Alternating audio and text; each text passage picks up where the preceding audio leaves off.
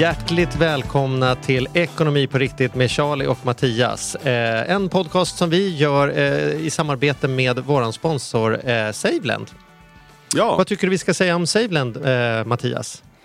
ja, men jag tycker att man ska gå in och titta. Jag tycker man ska gå in på saveland.se och eh, bilda sin uppfattning. Det tycker jag är en väldigt bra start. De är ju en så kallad peer-to-peer eh, plattform då, för en alternativ eh, sparform helt enkelt för den som vill ta en del av sitt sparande och låna ut de pengarna vidare. Så att man lånar in pengarna där och sen så får man ränta för att man lånar ut dem vidare. Och då eh, finns det en rad olika möjligheter och alternativ där. Det var inte så jädra knepigt kan jag säga. Det låter ju svårt när man pratar om det kanske men, men det, var, det var lättare än jag trodde. Och jag har också varit uppe på kontoret och intervjuat flera personer uppe från de frågorna vi har fått in. Och det kommer komma fler efterhand här som eh, vi ska få lyssna på. Så att, eh, Ja, och för er, precis. Och för er lyssnare så kan vi säga att har ni frågor kring, kring eh, Saveland så går det jättebra att mejla dem till oss på charlie Ja. och mattias.gmail.com. så är det. Jättebra. Hör du, hur är dagsformen då, partner? Ja, men den är, den är bra. Ehm, jag, har ju lite, jag har lite förkylningssymptom vilket gör att jag sitter ju faktiskt inte i samma rum som er. Utan jag sitter i, min, som, i, i stugan. Eh, För att undvika att träffa folk och sådär. Jag tänker att det är ett bra sätt att ta sitt ansvar i alla fall. Ehm, Blir du skogstokig av stugan eller känner du att du bara äntligen får vara på hemmaplan? Nej, jag det, det känns verkligen äntligen. Jag, eller så här, jag är ju här ofta så äntligen vore det fel att säga. Men, men jag trivs ju verkligen. Alltså, det är ju, stugan ligger mitt i skogen. Det är så otroligt enkelt att bara gå ut och... och jag tar alla telefonmöten utomhus, gående. Jag har slagit stegrekord nu. Man har ju så här ofrånkomligen så får man ju stegen registrerade i sin telefon. Så att Ja, jag, ja. jag, vad har du då? Jag, jag har snittat nu de sista tio dagarna så har jag snittat 15 16 000, 15 500 steg tror jag. Vad kul att du kom in på det. Jag håller precis på i dagarna. Jag, jag satte för- ett år sedan upp den idiotiska spelet att jag skulle gå 11 000 steg om dagen i snitt. Eh, och då kan jag berätta att 8 000 om dagen, det kan jag berätta, det klarar man om man bara går istället för att ta taxi och, och liksom håller igång lite sådär. Va? Eh, 9-10, då måste man gå ut och aktivt gå för att gå. Mm. Eh, 11, det kan jag fan inte ens aktivt gående och löptränandes fyra mil i veckan verkar få ihop. Nu är jag på 10 953 var det, var det idag och nu är det alla möten jag kan göra nu som gående möten för jag tänker jag kommer bara spräcka den där 11 000 en gång och sen får jag gå till om. Men jag är ju så jobbig som du vet, har jag sagt att jag ska göra någonting då tänker jag fan göra det också även om det var idiotiskt sagt. Liksom. Ja, men bra. Jag hade bestämt mig för 10 000 då när jag insåg att det var kul att titta att man hade blivit så. Men nu har det blivit Ja, mer. Och det- just som sagt jag tar, alla telefon, jag tar alla telefonmöten gåendes. Utom Mm. nu när jag poddar. Det skulle vara märkligt om jag skulle sitta och flåsa eller höra massa steg i bakgrunden. Så Det, nu, har vi, det har vi löst med annan teknik. Ja. och med tanke på dagens Mm. gäst så vill man ju vara extra fokuserad känner jag. Eller hur känner du? Jo, men det känns ju som att vi har fått finfrämmande. Eh, det är ju ofta vi har en rad spännande och roliga gäster, men det är, all, man är alltid lite extra nervös man har någon som har en tydlig politisk bakgrund. Därför man tänker att de har varit i så jädra många intervjuer så att man får lite prestationsångest att driva samtal tycker jag.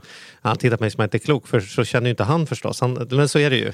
men så så tror jag det. människor som ska prata ekonomi med mig, då tänker de helt plötsligt att jag skulle vara något annorlunda. De ska be om ursäkt för att de har köpt vinet för eller någonting. Det skiter ju jag. Jag är också bara människa. Men man har en idé om politiker ändå att oj, oj, oj, nu är det rattade människor vi kommer vi ska prata om. Liksom. Ja, att, vi kan eh, väl vara helt ärliga med att jag ringde dig för 55 minuter sedan och sa så här, är det någonting Mm. särskilt vi borde tänka på nu? Alltså det här att man är lite extra på tå. Eh, så Mm. är det, och det är nog det du säger. Och kanske för att vi inte är politiker, man har respekt för, för den yrkeskategori som man inte kan. Nu är ju inte Per politiker längre. Så att, eh, men vadå, vi, vi, nu kör vi på, vi välkomnar. Per Schlingman, varmt välkommen till podden.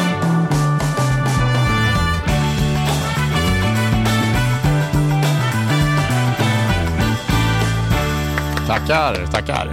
Känner du igen att, du, att folk eh, noterar att det finns en viss nervositet kring att prata med ett, en politiker eller mediaproffs eller liksom så här? Ja, nej, men det tror jag. Jag tror att det finns ofta nervositet eh, att prata med auktoriteter eller människor som är kända och sådär. Ja. Men jag känner igen det där att komma från politiken därför att eh, det handlar ju rätt mycket om att svara på den fråga man tyckte att man skulle få. Kanske inte den fråga man fick. Eh, och det är klart att eh, det är en rätt intressant fråga det där. Varför ska journalister och media ha makten att definiera frågan?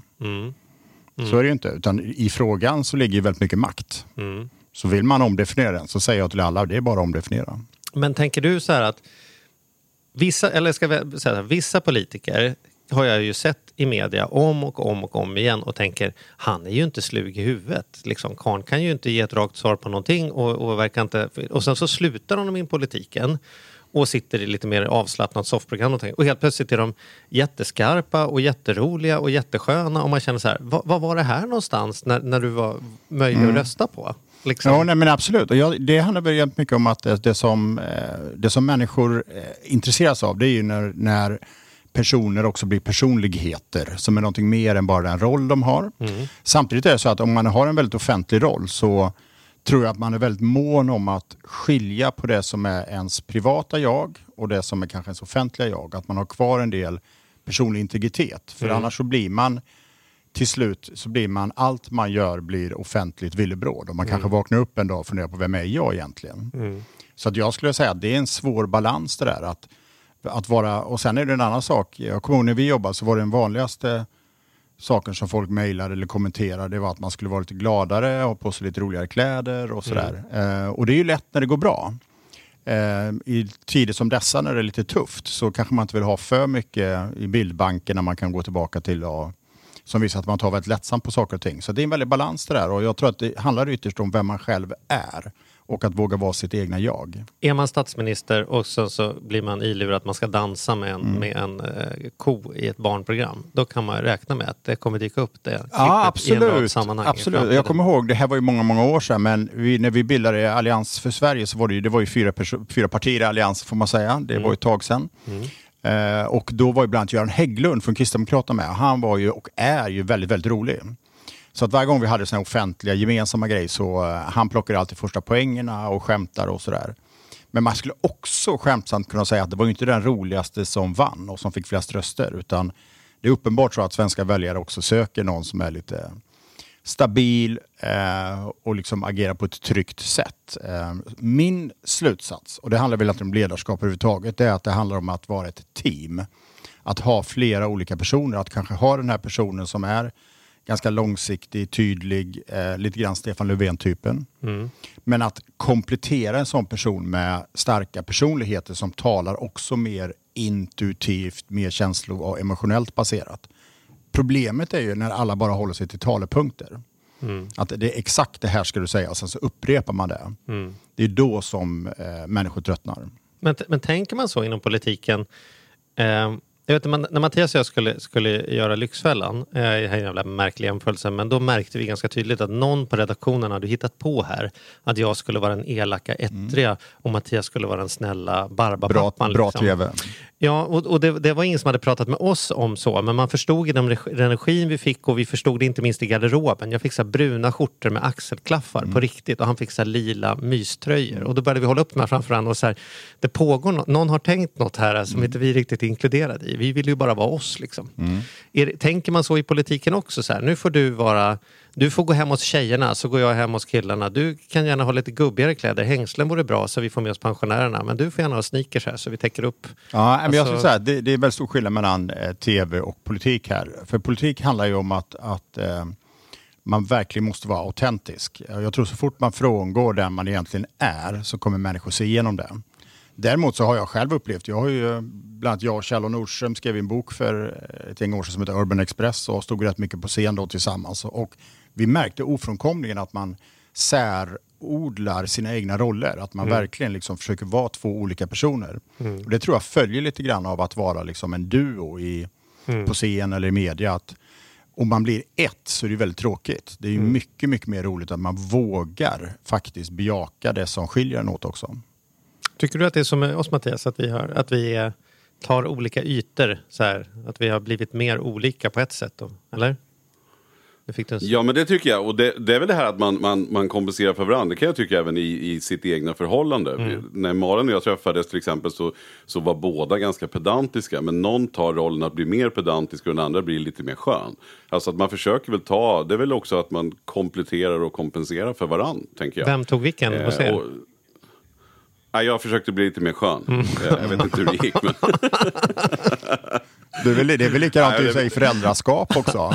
En är den goda. Ja, exakt. Så, så, så barnen väldigt Precis. snabbt lär sig vem man ska gå till när man har pengar och får lov att vara ute sent och så det. vidare. Just det, ja jag fattar. Ja. Mm. ja, men det finns väl någonting i den där dynamiken också inom alla. eh, Det är väl så, eh, tänker jag. Men eh, hur, hur känns, vi måste ju ändå gå in på, på det här. Vi ska ju prata om, om mycket saker tänker Mm. vi här. Och framförallt så har ju, har ju du Per en bok, en Mm. ny bok på gång med, med Carl Jung. Men jag tänker innan det så känns det som att med din kunskap och och kännedom så måste vi ändå beröra, det går inte att komma ifrån liksom, corona, eh, vi, ja, hela, hela historien med, med corona som det är just nu. Vad, men om vi börjar prata om det här med att kommunicera och ledarskap på det här som du var ändå liksom presstalesman för, för Moderaterna var det 2006 till 2010. Eh, och, och sen också då eh, ansvarig utåt där vidare till 2012 någonstans. Va, va, hur, tycker du att, hur tycker du att regeringen sköter sig? Hur tycker du kommunikationen från ledarskapet funkar? Jag, jag tyckte initialt så tyckte jag att man var väldigt passiv. Eh, och, eh, men jag tycker att den sista tiden, säg sista tio dagarna och sånt där, så har, eh, har regeringen blivit väldigt, väldigt aktiv och tycker jag gör det på ett väldigt bra sätt. Det som jag tycker är svårt någonstans är ju att eh, regeringen fortfarande överlåter väldigt mycket till expertmyndigheter eh, och liksom gömmer sig bakom expertmyndigheterna. Eh, I början var det väldigt tydligt, det var ju sådär att nu har myndighet A sagt så här, därför följer vi det. Politik handlar ju om att våga ta beslut, att väga olika intressen mot varandra. Och det tror jag att regeringen måste hitta ett mycket tydligare anslag, måste våga fatta mycket mer tydligt egna beslut. För experter har ju motsatt roll. Deras jobb är ju inte att fatta beslut. De är att alltid vara å ena sidan och andra sidan. Nej, men Det och, kunna vara- och, om man tar så här, Folkhälsomyndigheten, deras enda uppgift är att se till folkhälsa. Mm. De ser inte till exempel ekonomiska konsekvenser eller samhällskonsekvenser utan Mm. det är liksom så här, folkhälsa just nu om vi liksom fryser tiden. Och de gör det, tycker jag, på ett väldigt bra sätt. Men att låta det ensidiga perspektivet ligga till grund för politiska beslut tror jag är väldigt farligt. Mm. Och det här tror jag Eh, Nu bygger vi väldigt mycket resonemangen här på att den svenska vägen att tillåta mer av öppenhet i att begränsa smittspridning blir väldigt framgångsrik. Ja, men vad tror du då? Nu, Nej, det, alltså, vi, du, du behöver inte stå för vad du säger. men jag, alltså, här, menar att eh, Eh, man måste också se till ett till, till mycket bredare perspektiv. Alltså, jag är extremt oroad för eh, konsekvenserna av det som sker nu. Väldigt mycket av hela den moderna ekonomin bygger på upplevelser, möten. Eh, vi ser liksom hur städerna lockar. Vi ser hur vi har ett nytt typ av ekonomiskt värdeskapande som handlar om möten mellan människor. Och att, att så snabbt och så hårt slå sönder det som vi gör nu tror jag är väldigt farligt. Jag tror att det följer väldigt mycket psykisk ohälsa och annat som kommer följa i spåren av massarbetslöshet och annat. Och jag tycker att man måste ta in den dimensionen också. Men tycker du... Du menar alltså att, man, äh, men alltså att, att du menar att vi borde att man borde agera kraftfullare eh, än att bara köra på den här det som Nej, nej, jag, nej tvärtom, modellen. tvärtom. Jag tycker att den svenska modellen är väldigt bra därför att den balanserar så att säga eh, hur mycket vi kan eh, distansera människor från varandra på kort sikt. Med att också ta hänsyn till de extremt negativa effekterna på lång sikt. Och det här finns ju ty tydliga intressen mot varandra. Det är absolut helt rimligt att värna äldre och riskgrupper. Men jag tänker också väldigt mycket på alla de unga som går ut gymnasiet nu i vår. Eh, och som kanske kommer ut på arbetsmarknaden. Det kommer ju vara extremt tungt. Eh, och det är klart att det måste man ju också se. Tycker du att andra... Så att, ja. sen, sen är jag ingen smittskyddsexpert och sådär, men jag hoppas ju verkligen att den här mer öppna svenska vägen kommer att visa sig vara framgångsrik. Men å ena sidan då så säger du att, att du tycker att de var kanske lite, inte var så tydliga från början. Eh, och Mm. att eh, och den här grejen med att man, så här, att man måste vara kraftfull och så att, man, att vi förlitar oss så himla mycket på, på myndigheterna. Mm. Men å, å andra sidan då så känns det som att du tycker ändå att den här, för vi sticker ju ut verkligen Ja. om man jämför med andra länder, att man inte varit så kraftfulla. Men den, den tycker du ändå är rätt, men då är det väl bra att vi lyssnar på myndigheterna då? Ja, Att vi absolut. Alltså, så här, vi gör, absolut. Så här, att det som gör att vi kan sticka ut det är ju att, att vi har en väldigt hög grad av tillit i Sverige. Eh, om myndigheterna säger A så gör väldigt många människor A. Man behöver inte överdriva vad man ska säga bara Nej, för att och vi få folk behöver att inte lagstifta utan vi följer väldigt mycket råden. Min, eh, det jag menar egentligen det är liksom att, att eh, den politiska makten i sina politiska beslut eh, tycker jag ofta gömmer sig bakom myndigheter. Och det är inte Tegnell som är svensk statsminister utan Stefan Löfven. Mm. Eh, och jag säger inte att det är, ett, det är inte ett problem just nu, men jag tror att man måste vara väldigt väl medveten om det. Eh, att det finns eh, en, stor, en stor efterfrågan nu på ett väldigt starkt politiskt ledarskap. Och det finns också en efterfrågan och det tycker jag också kanske är nästa steg att göra, att, också, att göra den här lite grann större berättelsen, att politiken visar vilka olika intressen man väger mot varandra. Det där är ju intressant, för vi är ju i, i en ekonomipodd. Mm. Och jag tänker att svenska folket är ju i stor utsträckning väldigt skyddade mot att prata ekonomi kopplat till eh, hälsofrågor och sådana mm. saker. Liksom att vi ska rädda liv till varje pris och man kan inte sätta ett pris på en människas mm. Eh, liksom, välmående. Mm. Det är liksom så obetalbart och så vidare. Men min upplevelse är att det kan ju vi unna oss därför att det sitter människor, till exempel politiker när du var politiker, som faktiskt får göra det här. Mm. Hur, hur många ungdomar ska vi låta vara arbetslösa för att ha där, skattesituation som gör att vi kan ha så här många vårdplatser stående klara ifall någonting ska hända. Mm. Hur, hur, länge ska vi göra livsuppehållande så för att kunna skapa det här? Det är ju den typen av frågor som jag tänker, någon har ju möte om det så att vi andra slipper ha möte på något ja, sätt. men absolut. Och här krockar ju lite de två världarna i Expressen på något sätt va? Så är det ju och det är det någonstans jag menar att, att här tror jag att det finns ett utrymme för politiken att också eh, adressera den här frågeställningen och skapa liksom den här bredare berättelsen mm. om att vi värnar Sverige idag men också imorgon. Problemet då, om man tänker sig idag och imorgon, det är att, att i politiken brukar man prata om att det finns något som heter X-faktorn. Och det är ofta någonting, någonting som händer innan ett val som ingen kunde förutse och som påverkar valutgången. Mm. Och här kan man säga att, att, här har vi en X-faktor och det vet vi. Vi vet inte hur utdraget det här blir och hur det kommer påverka ekonomin.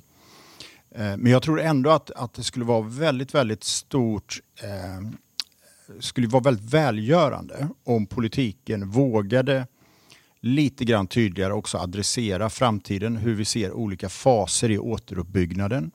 Därför att det har ju också efterfrågats rätt mycket av både entreprenörer och företagare. Man har ju pratat om ett datum, vilket jag tror är helt orealistiskt. Men vad man kan prata om är så här, vad blir nästa fas? Vad är det för typ av stimulansåtgärder vi ser framför oss? Därför att jag kan tänka mig att om det exempelvis är en hotell eller restaurang eller eh, någonting så sitter du och funderar på eh, du ser hur uthållig du är. Eh, är du beredd att, ska du sen belåna dig, då hamnar du också i personlig risk. Att du måste på något sätt kunna bygga ett scenario i återuppbyggnaden. Eh, därför att det är orimligt att tro att allting bara över en natt kommer att återgå som det var. Så är det ju inte, utan Sverige förändras med detta.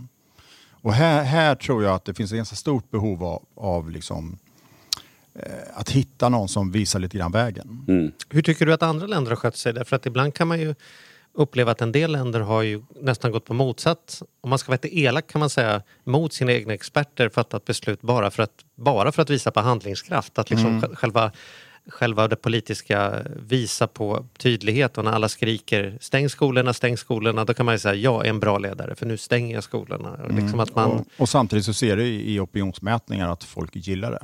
Ja. Och det är uppenbart så att i sådana här tider så gillar folk det vi kallar för starka ledare. Och stark ledare här är... Men man vill ha en, ja, och då är det viktigare att man visar att man gör något mm. än att visa att jag har god grund för att inte göra någonting. Så att, ja. menar, då kan man ju säga att det finns många politiska poänger hade ju kortsiktigt att hämta på att, att eh, fatta beslut även om det är liksom överilade beslut. Då. Ja, nej men absolut. Och det, det tycker jag man kan vara väldigt stolt över att vara svensk. Att vi har vågat låta som det verkar i alla fall, fatta ett ganska sakliga beslut. Och jag har ju pratat med en del personer i Danmark och sådär som är är helt bedrövade över hur egentligen så har alla beslut fattats utifrån ett politiskt perspektiv, ett sätt att visa politiskt ledarskap. Man har, mm. Men man, därmed så släcker man ut väldigt mycket av allt stadsliv, all kultur, alla mötesplatser. Så det blir ju väldigt, väldigt hårt. Mm. Men det är också lite märkligt, mm. för jag brukar titta på CNN på nätterna nu när, när, när eh, Trump kör sina presskonferenser. Det är ju en show i sig, liksom. men där är det ju väldigt mycket också mm. det här att vinna poäng och, och, säga att ja, men jag var supertidig och, hade inte jag, och jag har tagit ett av de största, viktigaste besluten någonsin. Det var när jag agerade och hade Demokraterna suttit där så hade det inte, då hade det inte någonting hänt. Alltså det är också ett sånt här spel hela tiden att tjata bakåt. Eh, men det känns som man också börjar ta in mer och mer ändå experter och ha med sig läkarna på presskonferensen och sådär. Men, men han är ju ganska tydlig och det tycks ju funka i USA hittills. Eh, Ja, ja, och det, jag skulle säga att det fungerar nu, vad jag kan se i princip de flesta länder. Mm. Eh, Men det är också intressant att, att, att, eh, och det kanske är så fortfarande, att all handlingskraft handlar om att begränsa smittspridning. Mm. Det är väldigt få som säger så här att nu har jag eh, fattat det här beslutet att vi ska tillåta restaurangerna vara öppna så att den här staden också kan leva efter krisen. Mm. Det är en annan typ av handlingskraft.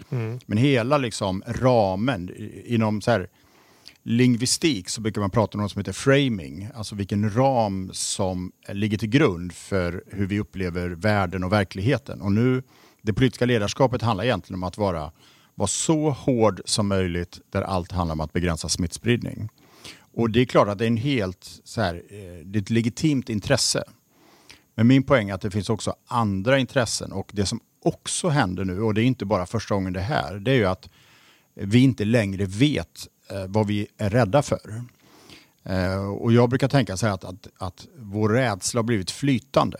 Vi vet inte, imorgon kan det vara en terrorattack, det kan vara naturkatastrof, det kan vara finanskris, eh, det kan vara liksom ett, ett cyberbrott. Vi har ingen aning. Och, och, vi vis, och den här krisen visar hur otroligt sköra vi är. Kanske inte politiken, för det här är väldigt glädjande. Att plötsligt har vi liksom ett, en politik och en stat som har reserver. Men vi människor har väldigt få, låga reserver. Företag har extremt små reserver och inte minst hela tjänstesektorn. Och det här tycker jag är intressant. Att, och då handlar det också om ett ansvarstagande. Ska vi tömma alla reserver nu? Eller ska vi också se till att behålla ekonomisk aktivitet och kanske en del i, i ladorna för att kunna hantera potentiellt kommande kriser? Mm. Men du har ju lämnat eh, politiken i alla fall eh, på den nivån, politiken, och jobbar mer med den här typen av framtidsfrågor och hjälper både liksom alla möjliga olika parter att tänka om framtiden. Liksom, det här är ju ett intressant scenario. Att vi, nu håller ju eh, inte framtiden på att förändras, för den har ju per definition inte funnits ännu. Men våran bild av framtiden och våran bild av trygghet. När du och jag pratade in, innan här så sa vi det att vi, vi, vi liksom, vår för, förmåga att förhålla oss till att det är mer osäkert nu. Och då, då, jag, det är ju lika osäkert som det alltid varit. Det är bara att vi inser att det är osäkert. Ja, och, och det som händer också det är väl- att, att eh, de få delar som vi har tyckt var säkra och förutsägbara inte är det längre. Och vi har Mm. Hur fått, menar du då? Nej men alltså så här att, att eh, kan vi åka till vårt eh, sommarhus i sommar? Eh, kan jag lägga företagskickoffen i augusti? Alltså det vi har kunnat planera kan vi plötsligt inte planera. Eh, och det, det är ju så oerhört intressant. Det är också någonstans att det är inte bara de som är direkt drabbade som drabbas nu utan alla alla företag i princip som jag pratar med har ju egentligen satt stopp för alla typer av nya utgifter. Man är mycket mer försiktig. Eh, om man sparar och man, eh, många passar på att permittera fast de kanske inte behöver och så vidare. Och det är ju, det är ju ekonomins psykologi. Och frågan är när den här psykologin släpper. När kommer vi orka tänka framåt? Eh, och det är klart att här uppstår någon typ av ehm, frågetecken som är väldigt komplicerat eh, och som gör att vår perception om framtiden, för den har ju alltid bara varit individuell, eh, är nu väldigt, väldigt osäker.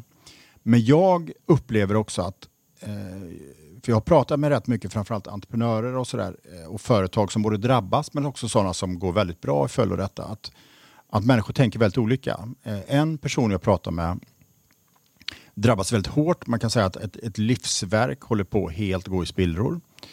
Eh, men det intressanta med den här personen är att, att eh, den här personen liksom grämer sig inte, sitter inte hemma och slår huvudet i väggen, utan den här personen är redan i revanschen. Tankarna är alltså så här, mitt företag kommer gå under hela mitt livsverk, jag har ägnat kanske hela mitt vuxna liv åt detta. Men den fråga jag ställer mig är, hur blir jag en vinnare när ekonomin vänder? Därför att då kommer det skapas nya möjligheter. Och det här handlar lite grann om perspektiv och, och vi måste på något sätt kanske, vi kanske liksom måste, det måste sjunka in det som händer.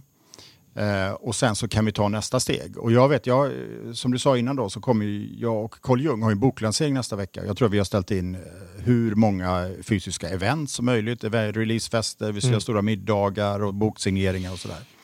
Men när det sjunker in så tänker man så här att nu, måste, nu ska vi göra den bästa digitala lanseringen. Och plötsligt så får man ny positiv energi. Eh, Så jag tror att det går att hantera eh, olika. Eh, Och på något sätt så måste man bara liksom, man måste skapa sitt egna, egna trygga ramverk i den här otryggheten. Och kanske bara bestämma sig för att det här pågår till datum X. Och sen har jag liksom, tänker jag i de här scenarierna, de här stegen framåt. För då kan jag börja planera och tänka. Det, för, det svåra är ju när man inte, har, man inte vet någonting. Hur länge tror du att vi, vi har råd att vara osäkra? Eller jag tänker så här att någon gång när vi pratar om ekonomi så har jag hävt ur med att vi hade finanskris i Sverige fram till vi fick fågelinfluensa. För mm. så fort det liksom byter löpsedel mm. så orkar ingen med det där Nej. längre och då är det bara tillbaka. Mm. Eh, och, och, om, om vår rädsla i huvudsak är, är liksom med, mediadriven då vet man att de kommer hela tiden leta efter någonting nytt. Mm. Eh, dog folk idag igen är ju bara kul så många dagar i rad. Sen får man ingen fler klick på det. Då måste man prata om någonting mm. annat. Man pratar om vårvädret eller prata om vilket jag upplever till exempel att kvällspressen har svängt väldigt mycket för att prata om fara, den, hälsofaran till att mer eller mindre över en dag byta till den här mm. liksom, ekonomifaran. Nu kan det bli depression. Så om man var med och skapade den hysterin som man nu kan kannibalisera mm, på och säga ja, liksom, här, nu ja. kan det bli mm. depression. Och då kan man gå på det ett tag och, och sen ja. så byter man. Alltså hur länge, hur länge orkar vi vara osäkra? Börsen har ju gått ner och gått ner och gått ner och många har ju förlorat det de har byggt upp. Liksom, mm. tog 15 år att bygga upp mm. nu liksom tillbaka på samma värde. Men nu börjar ju redan börsen, det är lite tidigt att säga, men liksom trava tillbaka någon mm. procent för procent. För folk orkar tänka och säga, ja men någon gång är det väl botten då. Mm. Ja, Nej, vi vet ju inte om vi är på väg in i någon ny 30-talsdepression eller om ja, om, om en månad så, så eh, kan vi börja ja. ha middagar. Men jag tror så här att den, den, den grundläggande bilden någonstans om man skulle eh, försöka liksom, eh, om vi tar bort alla eh, extremt optimistiska och extremt negativa röster så är det väl någonstans att vi kommer få se att vi passerar puckeln i smittspridning och steg för steg eh, kan börja återgå till liksom ett mer socialt liv. Att det kommer ske sen vår, sommar.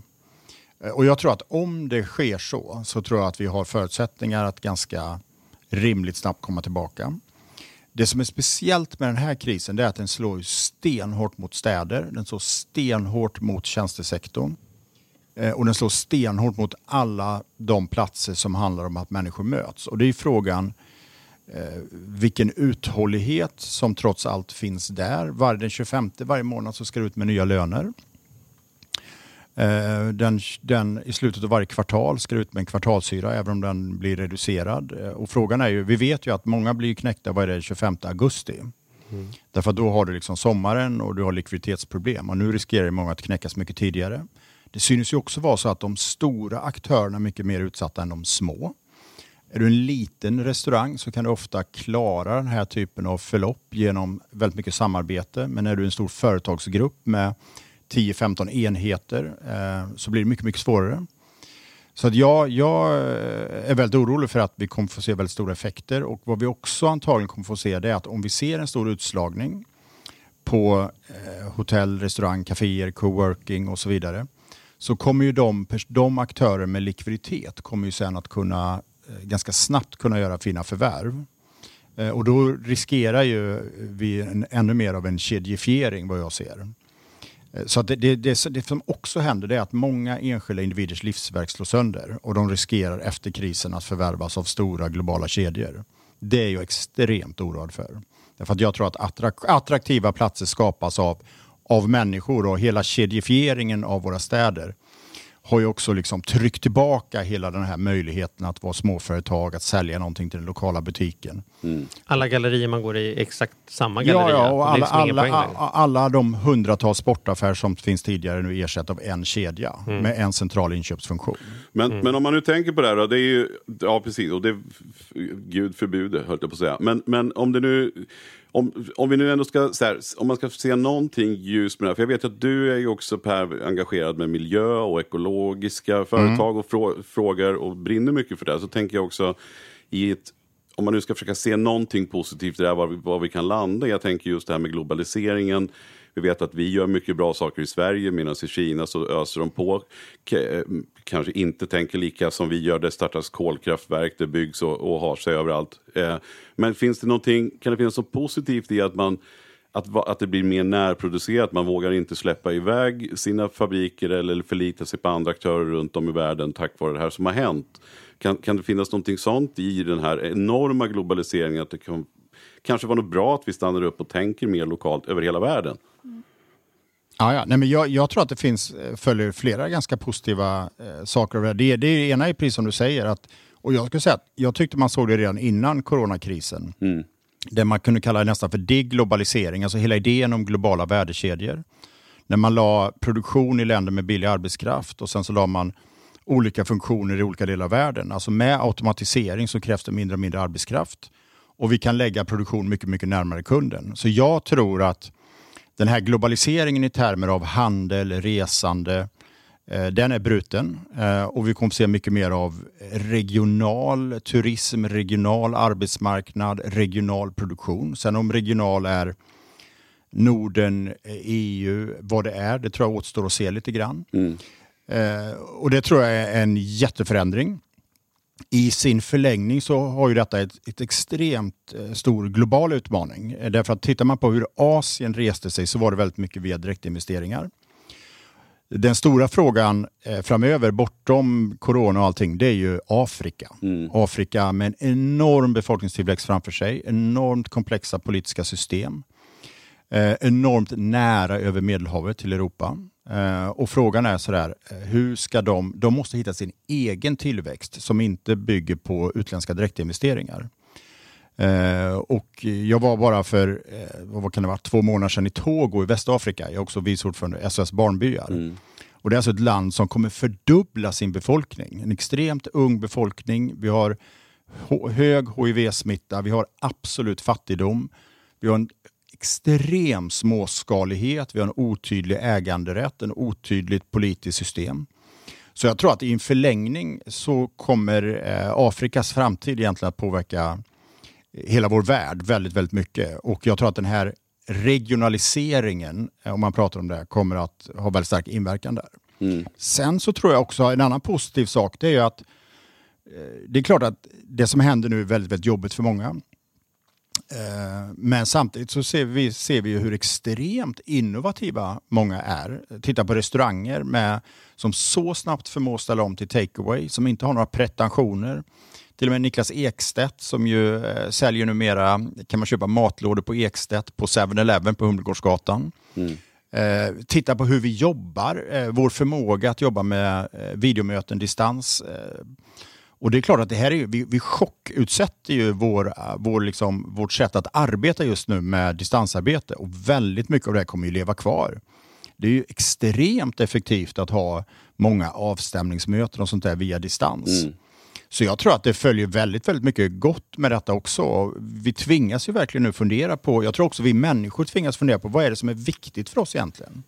Jag tycker att det är roligt också att se att inte bara uppfinningsrikedomen finns utan också någon typ av glädje jävlar anamma som man inte är så van i se tycker jag i Sverige. Och man kan säga, man har vi har, jag har i alla fall en bild av Sverige som ett ganska eh, gnälligt land på det sättet. Men helt plötsligt blir det så här, vi har tre fika på fredagar och då är det 200 personer som helt plötsligt ansluter digitalt med varsin kopp hemma och bara yay, nu mm. kör vi, liksom, vi, vi ställer inte in AV, vi kör men vi kör mm. på ett nytt sätt. Eller i mitt hus där jag bor så är det en kille som är leder ett storband och det kan han inte göra. Men då är det massa människor som önskar låtar. Så gör han live-jukebox där när han står på Facebook live och bara spelar mm. låtar hela dagarna. Och folk önskar och de får sin låt och det blir liksom lite som en liten lokal radiokanal han kör sina mm. låtar. Så det finns också någon sån här eh, nästan hemskt att säga det, men, men att vi, det är så sällan vi har haft kriser. Vi har inte varit så involverade i krigen på det sättet och så vidare och det är länge sedan så att, så att det är nästan lite sug från att gå man ur huset mm. Och tillsammans ändå visa någon typ av så här, fan vi kan tillsammans liksom. Mm, absolut, och ja, det, är, det är väldigt imponerande och också alla, alla enskilda initiativ för att mm. eh, hjälpa till, handla åt grannan, skapa glädje, alla, alla artister som gör egna eh, spelningar nu mm. digitalt och sådär. Men det finns en annan rätt intressant dimension i detta, det är ju någonstans att vi kommer från en värld när vi har prissatt eh, det som sker digitalt väldigt lågt. Det är en klassisk utmaning som bland annat media Sverige har haft att benägenheten att betala för en annons i en tryckt tidning är väldigt hög. Mm. Men samma annons digitalt är väldigt låg. Eh, och det är det vi ser nu, hur fortfarande svårt vi har att så monetarisera och skapa en marknad av saker och ting. Och det slår mig att väldigt många artister, alla gör allting gratis. Mm. Därför att det är digitalt. Mm. Och det är klart att om det här pågår nu tillräckligt länge så kanske vi också lyckas faktiskt hitta sätt att ta betalt för upplevelser som är digitala. Mm. Eh, Därför att det är klart, alla de som jobbar med handel, vi tittar vi på alla streamingtjänster och sådär, så har, där har det funnits ett befintligt kundbeteende. Eh, Men väldigt, väldigt få förmår ju ta betalt för det digitala. Eh, Och väldigt få vågar pröva det också. Mm. Eh, Så det kanske är att vi är i en första fas här nu när alla vi ska vara väldigt goda allihopa, så att nu ger vi bort massa innehåll. Men det hade varit fantastiskt om vi skulle lyckas hitta sätt att faktiskt börja ta betalt för digitala upplevelser. Det vore ett sätt att utveckla vår ekonomi ytterligare. Ja, det är Ja, spännande. men precis, och då kan man verkligen tänka på artisterna som ju har ju fått ett mindre del om man jämför med när man, när man köpte skivorna med artisterna till exempel. Mot, och det har ju varit fantastiskt att man kan dela och få tillgång till så mycket musik och sådär. Men det, är- det är ju också, har ju byggt på att, att dessa artister har kunnat uppträda live och eh, folk går ju mer och mer har gjort på konserter och så här, vilket är fantastiskt. Men där är det ju tvärstopp just nu och det kommer nog dröja ganska länge eh, kan man ju gissa innan, innan folk är helt bekväma. Även om, om man kommer att tillåta så kommer väl det här sitta i ganska länge. Så det är väl precis som du säger, det är väl fantastiskt om man kan hitta nya sätt att betala digitalt. Och få en upplevelse och känna att, den, att det funkar fast det är digitalt. Mm. Det, vore, det vore väldigt, väldigt spännande att försöka komma loss lite grann det här med mikrobetalningar och sådär. Att, att, eh, men, det känns fortfarande som att vi lever i den här fortsatt, första så här, internetvågen när människors bild är att allt på nätet är gratis. Och sen så blir vi superförbannade om någon tidning har en coronaartikel som är låst. Mm.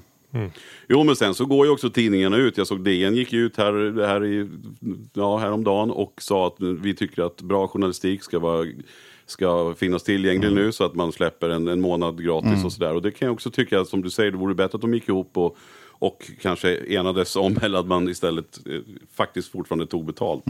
Eh, ja, jag vet inte, det där är svårt. Men det är kanske ett sätt också att vi, vi kommer att märka det nu. Att vi behöver Men ha hade, bättre har, DN gått ut och, det. har DN gått ut och sagt att bra journalistik ska vara gratis och sen går man och gör någon sponsringskampanj på det? Eller?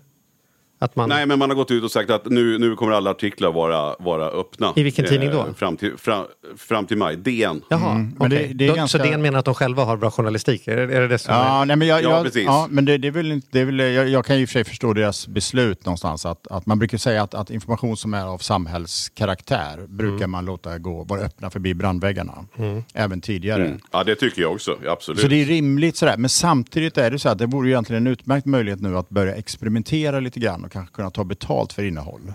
Eh, Precis. Men jag tror att det är lite grann en första våg. Först måste man pröva vad som fungerar. Jag gjorde själv en sån här sak var det förra veckan. Vi var fyra föreläsare som gjorde ganska så här eh, ganska professionell inspelning. Eh, Vi var på Maximteatern och vi hade liksom ett produktionsbolag och flera kameror och sådär och gav bort det gratis. Och det var lite grann ett sätt att testa. Och lite grann är det ju ett sätt att man också vill liksom positionera sig för när det vänder. Eh, Men det har varit väldigt spännande att testa och se hur kan man liksom hitta sätt att, att ta betalt. Men är det inte också så här nu att det är ganska känsligt också? För de som har, det har ju varit några, några som lite plumpt har gått ut och, och, och liksom klantat sig och, och liksom försökt att skott sig på den här krisen. Men jag tror det är många artister och många som också känner sig man vill inte kanske vara först ut och dra nytta av coronaläget och ta betalt. Alltså det är väl också den grejen att det, just nu så är det också så här vi kanske kan komma igång och det kanske blir mer okej om jävla en vecka eller två. Liksom. Kan vi inte bli klara med det där någon gång? Att man skor sig. Så de, de som säljer munskydd, fan vad de skor sig på coronakrisen. Ja men det är väl jävligt tur att någon tillverkar munskydd när det behövs munskydd. Alltså, jag, jag, ja, förlåt, jag, nu är min egen Ja, nej, grej. men Men jag är så jävla tröttsamt ja, att det alltid är någon idiot med. som ska, ska vara så pessimistisk om att någon tjänar pengar. Sjuksköterskorna, de fullständigt blödde ut det här samhället nu och genom att jobba övertid, säger ingen. Men, utan, men Mm. så fort det är, är, finns ett företag inblandat, ja, men då är utgångspunkten att bara för att man har en tjänst eller produkt man tar betalt för, ja, men då, då är man tydligen någon Krösus Sork och har gjort mer skada i det här samhället än han tror. Liksom, så här. Jo, men det är väl det vi förhoppningsvis, som vi pratar om, att det är väl det som förhoppningsvis nu, att vi kanske kan se det nu, att det börjar hända. Men jag Ja. tror att det har varit ett motstånd. Jag är ju i underhållningsbranschen, eller jobbar med, inom mediebranschen, så jag vet ju, jag har ju snackat med många av mina klienter om att kanske göra den här saken, att köra föreläsning eller gå ut och göra, men ingen, alla känner ju direkt, ja fast jag kan inte ta betalt. Nej. Eh, därför att jag vill inte vara den som skor mig på det här viruset. Och det, det förstår jag. Och det har jag också då känt att nej, det ska vi nog inte göra. Och precis som ni gjorde då Per, ni testade också och gjorde det här gratis. Eh, så att det är väl känsligt, eller, eller vad säger du? Ja, men jag, jag, tror lite grann också det handlar om att eh, sättet och formen för det. För det är ju ingen som reagerar på att Netflix tar betalt eller att eh, Viaplay tar betalt eller någonting annat. Utan, eh, och det kanske är så att, att eh, i ett första skede så kanske man ska formulera det på något sätt som att det är någon typ av frivillig betalning.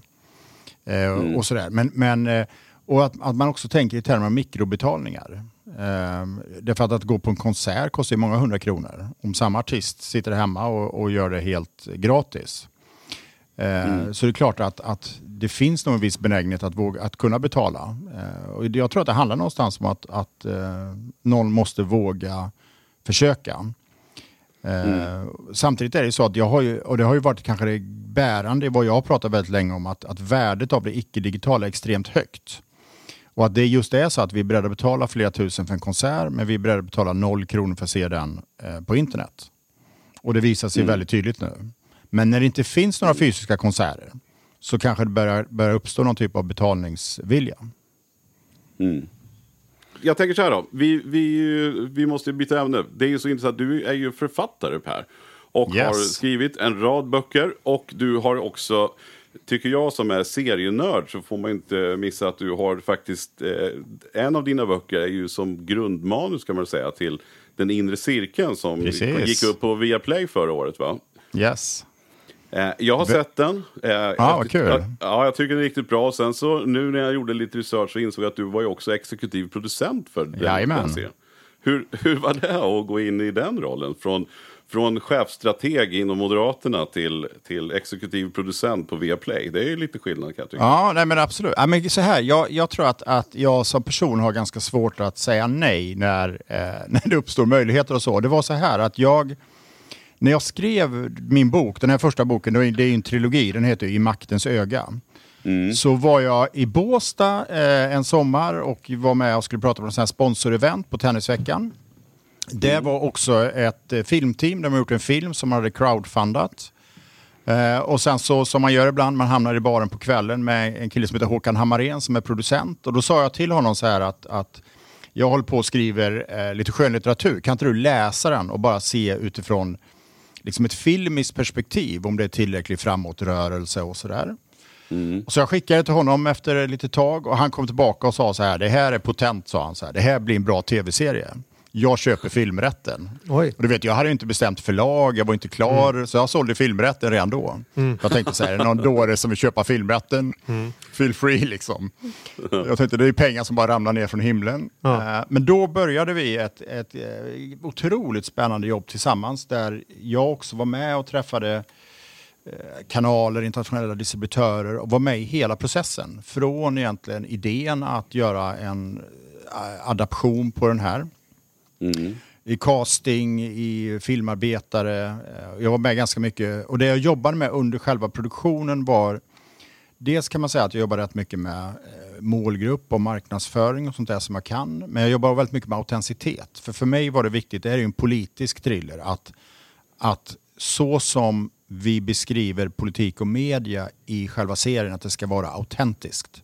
Mm. Så jag jobbade rätt mycket både med manus men också rätt mycket med skådespelarna i Exempelvis, eh, vi har ju den klassiska karaktären spindoktorn eller presschefen som spelas av Nanna Blondell. Mm. Eh, jobbar ganska mycket med hur beter sig en sån presschef, hur mycket pratar man i telefon, vad har man för typ av språk med den man är liksom satt att jobba med.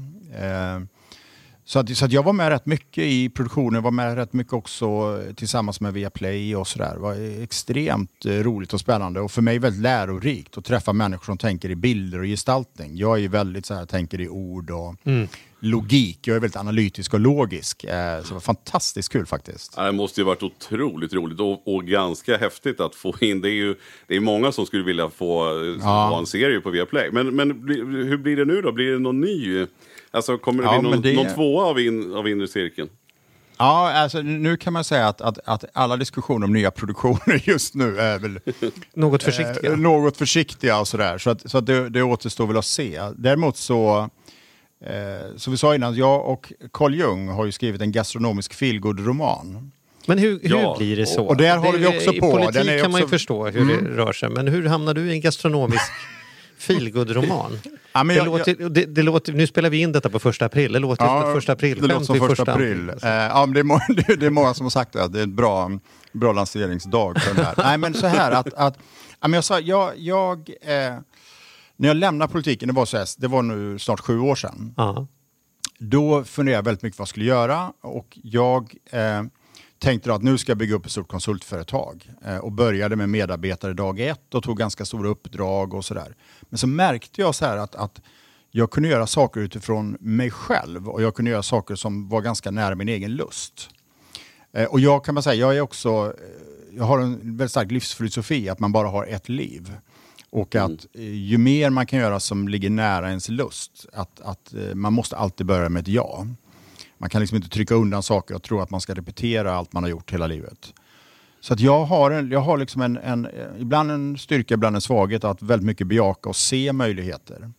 Och den här, den här gastronomiska feelgood-romanen den började för några år sedan, det var två eller tre år sedan, när jag och Carl Jung då, som är krögare, vi var på en gemensam kompis, Johan Spendrups bröllop. Han kanske har varit gäst här, jag vet inte. Nej, det har den inte. Han är ju en eh, fantastiskt intressant person, en, eh, en bryggmästare. Kul. Bra tips. Och då gjorde, då gjorde Carl maten eh, och jag hade inte bara stött på Carl några gånger tidigare och sådär. Han var ju rekordung, årets kock och sådär. Men så började vi prata på kvällen i baren. Allting händer uppenbarligen i baren. I ditt liv i alla fall. I mitt liv. Eh, och sen då började vi prata om det här svårigheten som krögare och kockar har. Att de är ju superstjärnor. Men de är väldigt mycket bundna till sin egen restaurang för värdskapet. Eh, och hur skulle man kunna nå ut mycket bredare? Och kanske som inte handlar om att göra kokböcker, tv-serier om mat eller göra förkläden eller knivar. Och, och då någonstans föddes idén så här att, att, eh, för att eh, hela den här inre cirkeln vi gjorde på Viaplay, den handlar lite grann om att man får vara med bakom kulisserna när, i hur den politiska makten utövas. Och jag tror att det finns ett jätteintresse kring restauranger, hotell, nattklubbar, medlemsklubbar. Hur går det till bakom kulisserna? Vad är det som gör att, att vissa får bord och andra inte får det och så vidare. De här ganska små vardagliga sakerna. Hur ser det ut i ett restaurangkök? Är det liksom så auktoritärt som man tror att det är och så vidare. Så då föddes idén så här, men man kanske skriva en berättelse eh, om så säga, livet på en restaurang eller vad det kan vara. Och sen så pratade vi eh, fram och tillbaka om detta under en, en ganska lång tid. Eh, och, och min tanke var väl att jag själv skulle skriva. Utan, men så sa vi någon gång så här, "Ja, men vi testar, sa vi. Eh, och sen för, företog vi oss några väldigt trevliga researchresor. Vi var i Piemonte och Toscana och sådär. Träffade producenter och vinhus. Finns en anledning att det här inte utspelar sig i, på Island och, och handlar om vatten, På? Island dricker man svarta döden. jag- eh, men det tror jag inte. Eh, men, men då, eh, och det som hände då, det var att, att då började vi jobba fram en sån här första storyline, det är så man gör, liksom, vad man för persongalleri och sådär. Och då var tanken att det skulle bli spänning. För det var ju den världen jag kom jag, jag såg en stenhård spänningsroman som byggde på att eh, det finns en stamgäst och en, en tjej som jobbar i baren, hon är ihop med hennes kille spelmissbrukare. Och sen kommer hon åt insiderinformation och sådär. Det var en ganska så här, stark dramaturgisk berättelse. Men så fort vi började skriva om mat och dryck så gick tempot ner. Och vi tog, och den liksom transformerade sig själv från spänning till feelgood. Mm. Eh, så nu, eh, och det, så kan man säga att vägen är. Eh, och att, att, så nu är det en berättelse om ett syskonpar som växer upp på en italiensk vingård. Han blir framgångsrik krögare i New York och via lite olika turer så får hon möjlighet att öppna en restaurang i Stockholm. Och vi får följa hela den här öppningen. Stella Morelli som hon heter. Om hon verkligen liksom eh, orkar, vågar lyssna på sig själv och driva det hon själv verkligen vill göra. Och rätt mycket också är en kamp kan man säga eh, mellan eh, deras syn på hur viktiga råvarorna är, mathantverket mot den här klickvärlden vi finns. Att, att rätter ska vara liksom Instagramvänliga och man ska ha innefolket. Så det finns en också en ganska stark konflikt mellan viljan att göra vad hon tycker är kvalitet mot den som då finansierar det hela. Som tycker att det är mycket viktigt att det är rätt personer på plats, att allt ska vara Instagramvänligt och så vidare. Så det är också lite grann en samtidsberättelse. Och Spännande. Och den här men- släpps är- precis i dagarna nu. Ja, precis. Och, och jag skulle bara höra, så här, är, är det själv, låter det lite så här, jag menar Carl Jung driver ju den här mm. La, Laventura, jag vet inte riktigt ah, hur man uttalar det. Men ja. en otroligt framgångsrik krog just i Stockholm. Eh, het krog får man ju säga. Mm. Eh, har, det, det, är klart att han måste ha massor med erfarenheter där. Och liksom, ja. Hur kommer ja, det sig? Så... Är, det, är det så? Är det, är det självupplevt mycket som han har lärt sig? Eh, är det lite dröm att det är du som är New York-snubben? Eller vad? ja, men jag, ja, så här. Så jag tror att, att först då så kan man säga att det vi skriver väldigt mycket det är drömmen om Italien. Mm. Eh, den dröm många människor har om Italien, den dröm många människor bär på att en gång starta sin egen restaurang. Eh, och vi skriver också, hela boken är skriven ur en kvinnas perspektiv.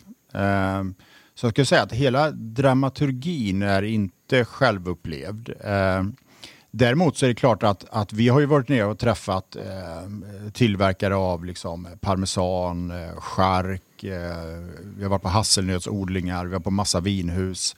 Och det är klart att där har vi fångat upp personligheter som sen mm. ligger till grund för de personligheterna som, som vi beskriver.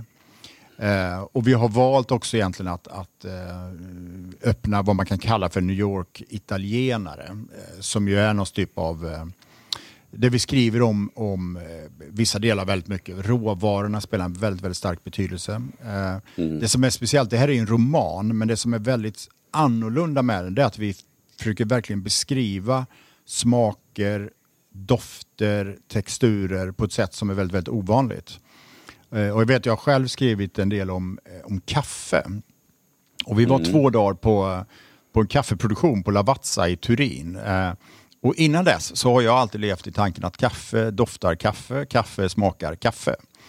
Men jag kan säga att, att efter att verkligen liksom har fördjupat mig i de olika bönorna, roster, rosteriprocessen, eh, så inser man att, att kaffe innehåller, jag tror, upp mot tusen aromer. Eh, och Det är så spännande tycker jag, eh, som kommer från en helt annan värld, att träffa människor som har en sån extrem eh, förmåga och känsla att känna smaker.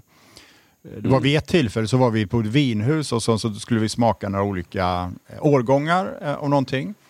Och då var det en person som var med som kunde känna alltså, i glaset vad, vad hade man druckit förra gången.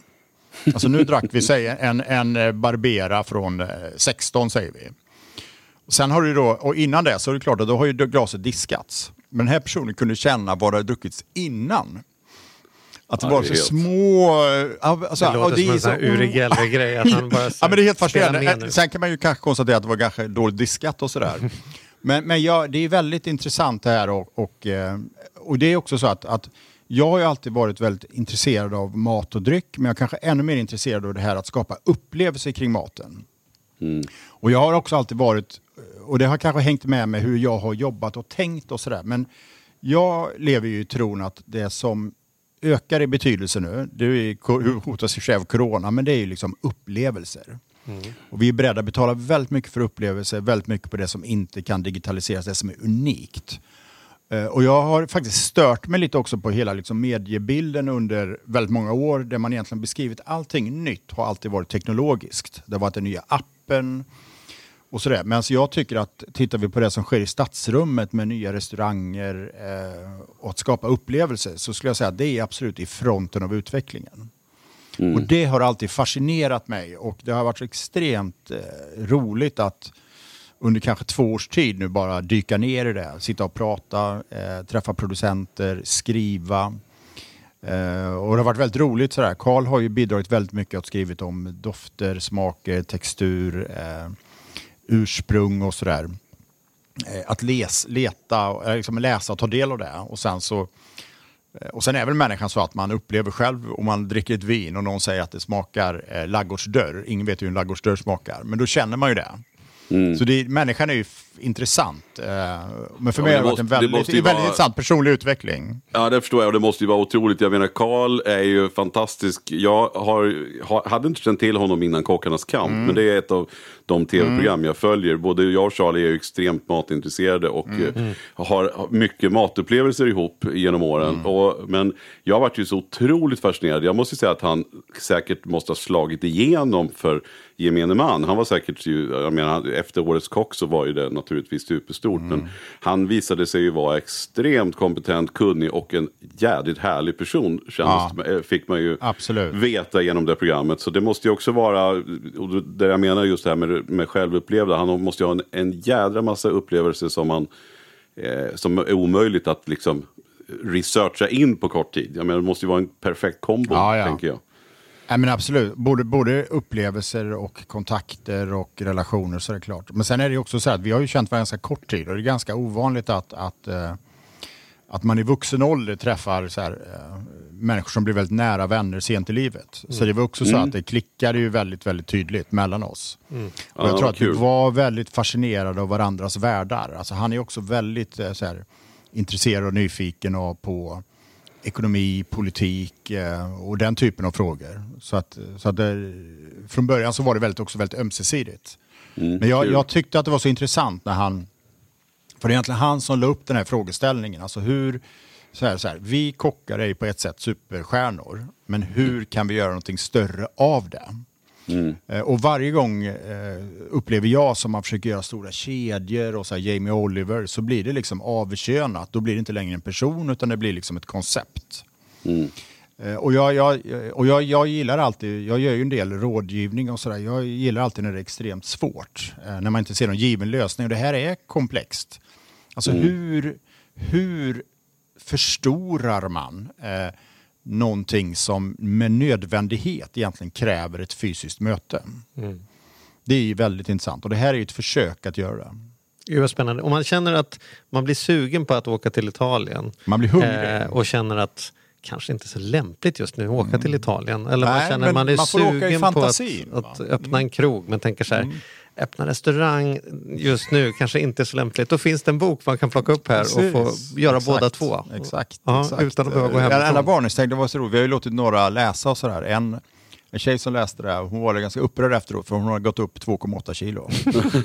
så att, så att vi får väl så här skicka lite varning här också. Just det. Men det är väl perfekt nu när man är, när man är hemma och i isolering att, att pröva sig fram. Och, eh, Ja, det är spännande. Har du redan sålt eh, filmrättigheterna? Det... Nej, men det, vi pågår sådana processer. Det pågår Åh, vad roligt. Precis. Ja. Ja. ja, men det, är, det, är väldigt, det är väldigt filmiskt så såklart. Mm. Alltså en, ett, ett eh, syskonpar. Eh, sen är utmaningen kanske, just, om man tänker just idag, att den bör ju då spelas in både i Stockholm och Italien och kanske Mm. i USA och sådär. Eh, men det är väldigt spännande. Så, att, så att det är klart att, att vi ser det framför oss. Vad, vad man hade velat ha sen det är att vi, att vi har visningar av den eh, där vi har vinerna och sådana saker framför sig. Så när Mm. de på film dricker och smakar kan man här, vara med själv parallellt. Eller när man Mm. Ja, läser absolut. boken, att man kan köpa boken i, i ett något vinpaket så kan man på riktigt eh, Ja, men absolut. av. Så dels, dels eh, har vi fem stycken, eller sex stycken recept med som Ja. skriver om boken, finns med i boken. Ja, så man kan liksom Ja. laga och läsa. Och liksom. sen så kommer vi också när vi lanserar ehm,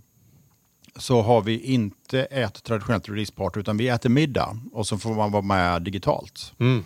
Eh, och vi kommer innan den här eh, releasen också skicka ut eh, förslag till vinval och eh, mat. Så att, då får man äta med oss. Det blir intressant att se. Härligt. Det, och, då kan man, och vill man få information om det då, då kan man till exempel titta på din Twitter då antar jag. Det, Ja, det kan man göra. Man kan titta på vilken av mina sociala kanaler som helst. Twitter går Ja. utmärkt. Och då ska man bara lära sig stava till ditt namn. Men jag tänker, eh, det borde man väl kunna om man tänker SCH och sen två N på slutet. Typ. Ja, ja. Så, Då är ja. man hemma. Men man kan också Ja. säga att, att, att i det här fallet så är det bra att kunna stava det. Fördelen annars är ju att det är ogooglingsbart. ja, just det. Så vä- väldigt mycket av misstag man har hittar ingen för att det är fel stavningar. Det är väldigt bra. Ja, just det. Men gör man misstag så, så blir det ganska tydligt eh, ändå. Då blir man lätt Jag vet, tyvärr, tyvärr. Ja. Nej, men vad häftigt. Och vad heter boken nu då? Så vi kan... Familjen Morelli. Familjen Morelli. Och den Morelli. kommer alltså nu, just det, och den kommer finnas att ladda ner. Naturligtvis Den om man finns- nu inte vill gå till bokhandeln. Absolut, den finns eh, som eh, ljudbok inläst av Julia Duvenius. Finns i bokhandeln, finns på alla nätbokhandlare. Så att den finns överallt där böcker finns. Ja, och det är ju faktiskt idag när det här avsnittet släpps, den sjunde, som boken eh, släpps. Det kan inte bli mer på pricken aktuellt än att vi är här just idag. Man kan tycka vad man vill, men en sak är väldigt gemensamt och det är att samtliga har blivit väldigt hungriga efter de här läst boken. Och då känner jag att det är tur för mig att jag bor på landet och tar 15 000 steg om dagen då helt enkelt. Precis, du får nog gå upp mot 16 000 efter det här. Ja, det låter bra. Men du, vilken ära det var att ha dig i Ja, våran podd mycket, Per. mycket trevligt. Tack Ja, så mycket. mycket kul. Härligt. Stort tack. Hälsa Karl Ja, också. Det ska jag göra. eh, Ja, ha det gott alla där ute. Ta hand om er och rädda om er.